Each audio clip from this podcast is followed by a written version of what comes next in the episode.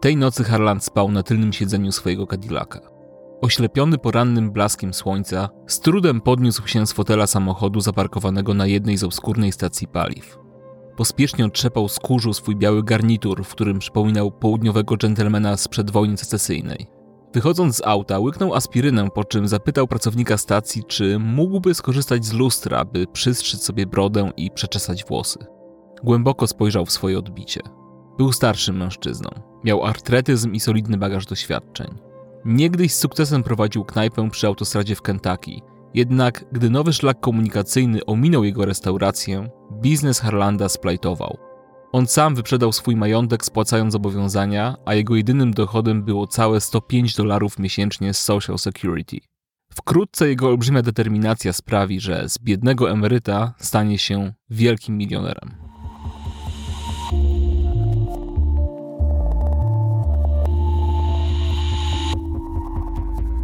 Nazywam się Andrzej Skasko i zapraszam do wysłuchania podcastu, w którym usłyszycie historie osób, które stały na czele ruchów społecznych, tworzyły przełomowe rozwiązania, osiągały nietuzinkowe rezultaty biznesowe. Historie te opowiedziane są z perspektywy pojedynczych minut, które zadecydowały o ich wielkim sukcesie lub o sromotnej porażce. Opowieści te konfrontuję z własnym doświadczeniem, tworząc przestrzeń do refleksji oraz inspirując do podejmowania nowych wyzwań. Harland Sanders urodził się w 1890 roku i był najstarszy z trójki rodzeństwa. Gdy miał zaledwie 6 lat, zmarł jego ojciec. Często zostawał sam w domu, by gotować i opiekować się rodzeństwem. W wieku 13 lat rzucił szkołę i opuścił rodzinny dom, podejmując pracę jako m.in. sprzedawca ubezpieczeń, pracownik kolei czy farmer. Przed trzydziestką zaciągnął się do Armii Stanów Zjednoczonych. Już jako weteran wojenny w czasach wielkiego kryzysu prowadził stację paliw i zaczął specjalizować się w przygotowywaniu smażonego kurczaka. Niestety jego wieloletni biznes splajtował. 65-letni pułkownik Sanders wyprzedał cały swój majątek spłacając zobowiązania, a jego jedynym stałym dochodem była 100-dolarowa zapomoga. Harland miał myśli samobójcze. Usiadł w cieniu drzewa i zaczął spisywać testament, przepraszając wszystkich za swoje wady. Jednak po chwili jego pożegnalne słowa zaczęły przypominać listę pomysłów, które mógłby zrealizować, gdyby tylko mógł żyć jeszcze raz. Harland odłożył na bok list i zaczął myśleć o tym, jak wspaniałym jest szefem kuchni. Budowało się w nim przekonanie, że potrafi lepiej niż ktokolwiek ugotować kurczaka i ma na niego najlepszy przepis na świecie. Pozostając bez większych perspektyw na utrzymanie, 65-letni Harland postanowił wziąć się w garść i zaczął sprzedawać swój przepis na smażonego kurczaka.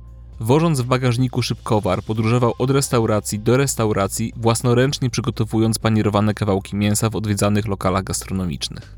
W zamian za przepis prosił o 5 centów od każdej sprzedanej sztuki. Kolejni właściciele próbowali specjału, odmawiając. Dziesiątki, setki, a może i z tysiąc razy. Ale Harland nie dawał za wygraną. Pete, chciałbym dla ciebie coś ugotować, zaproponował właścicielowi kolejnej z odwiedzanych restauracji w Salt Lake City.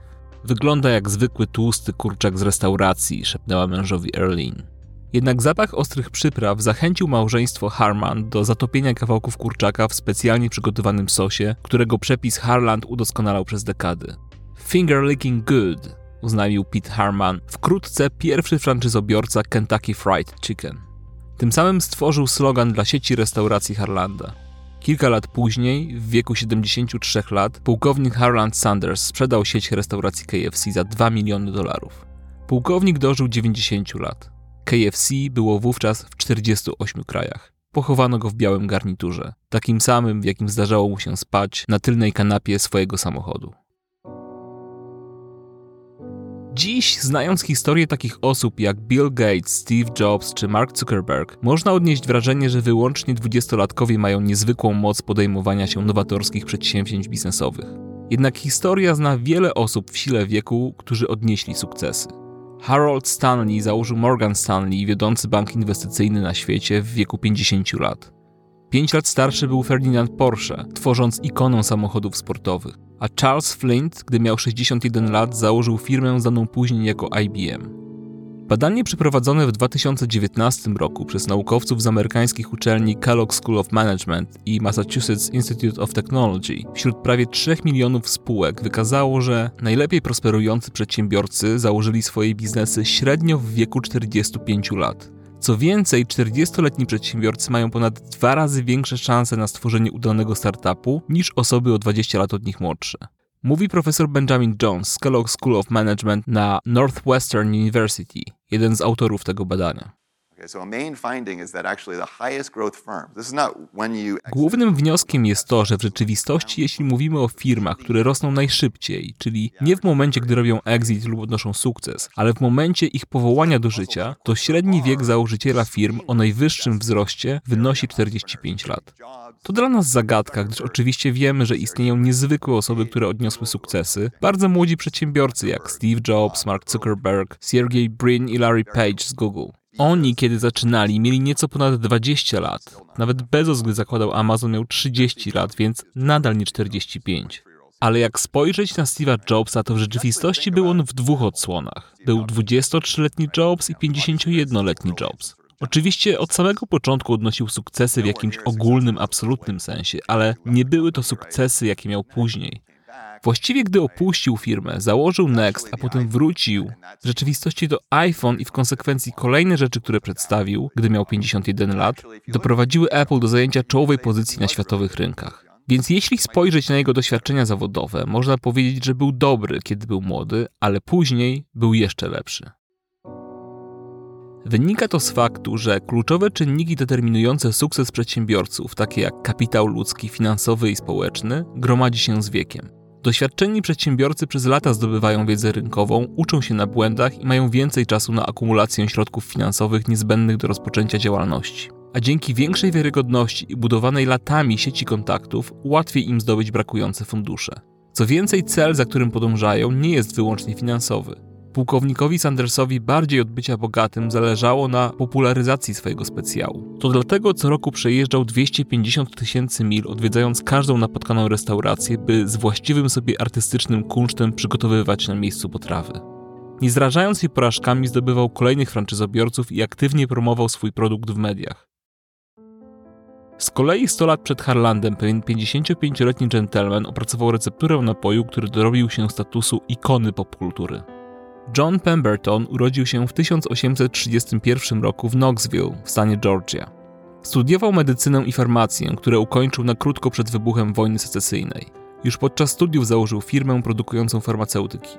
Podczas wojny Pemberton służył jako podpułkownik w trzecim batalionie Georgia Cavaliers. W jednej z potyczek ledwo uszedł z życiem. Został ranny w klatkę piersiową. Rana była na tyle poważna, że ból towarzyszył mu już do końca życia. To sprawiło, że farmaceuta uzależnił się od morfiny. Szukając alternatywnego sposobu na uśmierzenie bólu, John zaczął eksperymentować z nowymi środkami. Całe dnie spędzał w swoim małym laboratorium na tyłach apteki, szukając najlepszych składników. Gotował, ucierał, mieszał, studził i podgrzewał. Był perfekcjonistą. Próbował niezliczoną liczbę razy, zanim doszedł do końcowej receptury. Jego pierwszy przepis nosił nazwę Dr. Tagus Compound Syrup of Globe Flower. Następnie John zainteresował się liśćmi koki, czyli krasnodrzewu pospolitego oraz orzechami coli. Mikstura, którą wymieszał z winem, zawierała kokatylen, czyli połączenie kokainy i alkoholu. 55-letni John nazwał ją Pemberstone French Wine Coca. Napój sprzedawał w aptece jako francuską kokę winną. Specyfik miał silne właściwości pobudzające, więc farmaceuta nie narzekał na brak klientów. Jednak plany pokrzyżowały mu władze Atlanty, wprowadzając prohibicję. Pembertonowi groziło bankructwo. Jako, że nie wolno było produkować napojów alkoholowych, John spróbował opracować napój bez wina. Zmodyfikował recepturę, a do roztworu zawierającego kokę dodał wyciąg z orzeszków cola. Ponoć przypadkiem wymieszał je z wodą gazowaną. Pierwotnie miał być to zwykły syrop. W ten oto sposób 55-letni Pemberton opracował pierwszy skład Coca-Coli, która, jak wiemy, stała się najpopularniejszym napojem świata. John niestety nie doczekał sukcesu swojego produktu. Zmarł zaledwie półtora roku po wynalezieniu receptury. Mówi pułkownik Harland Sanders, założyciel KFC. Rozpocząłem franczyzę, gdy miałem 66 lat. To była zaleta. Nie poddawaj się, gdy masz 65 lat, bo zawsze możesz zrobić w życiu jeszcze coś wartościowego. Franczyzę sprzedałem po 7,5 roku za 2 miliony dolarów. Będę mieć 81 lat w mojej następnej urodziny. Mam nadzieję, że wymyślę coś nowego, bo zawsze jest coś do zrobienia.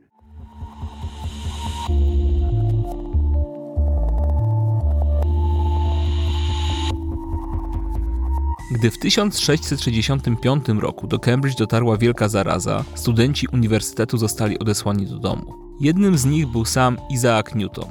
W obawie przed epidemią zamknął się w swojej sypialni i za okien obserwował świat, który z dnia na dzień stanął w miejscu. Ale Newton, mimo lockdownu, kontynuował swoje rozważania. A za jego oknem stało drzewo. Była to jabłoń, z której właśnie spadło to jabłko. Tę i inne historie usłyszycie w następnym odcinku Minuty, która zaklina rzeczywistość. Serdecznie zapraszam na minutapodcast.pl, a jeśli podobają Ci się opowiadane historie, zachęcam do subskrybowania i obserwowania podcastu na najpopularniejszych platformach oraz do ocen i recenzji na Apple Podcast.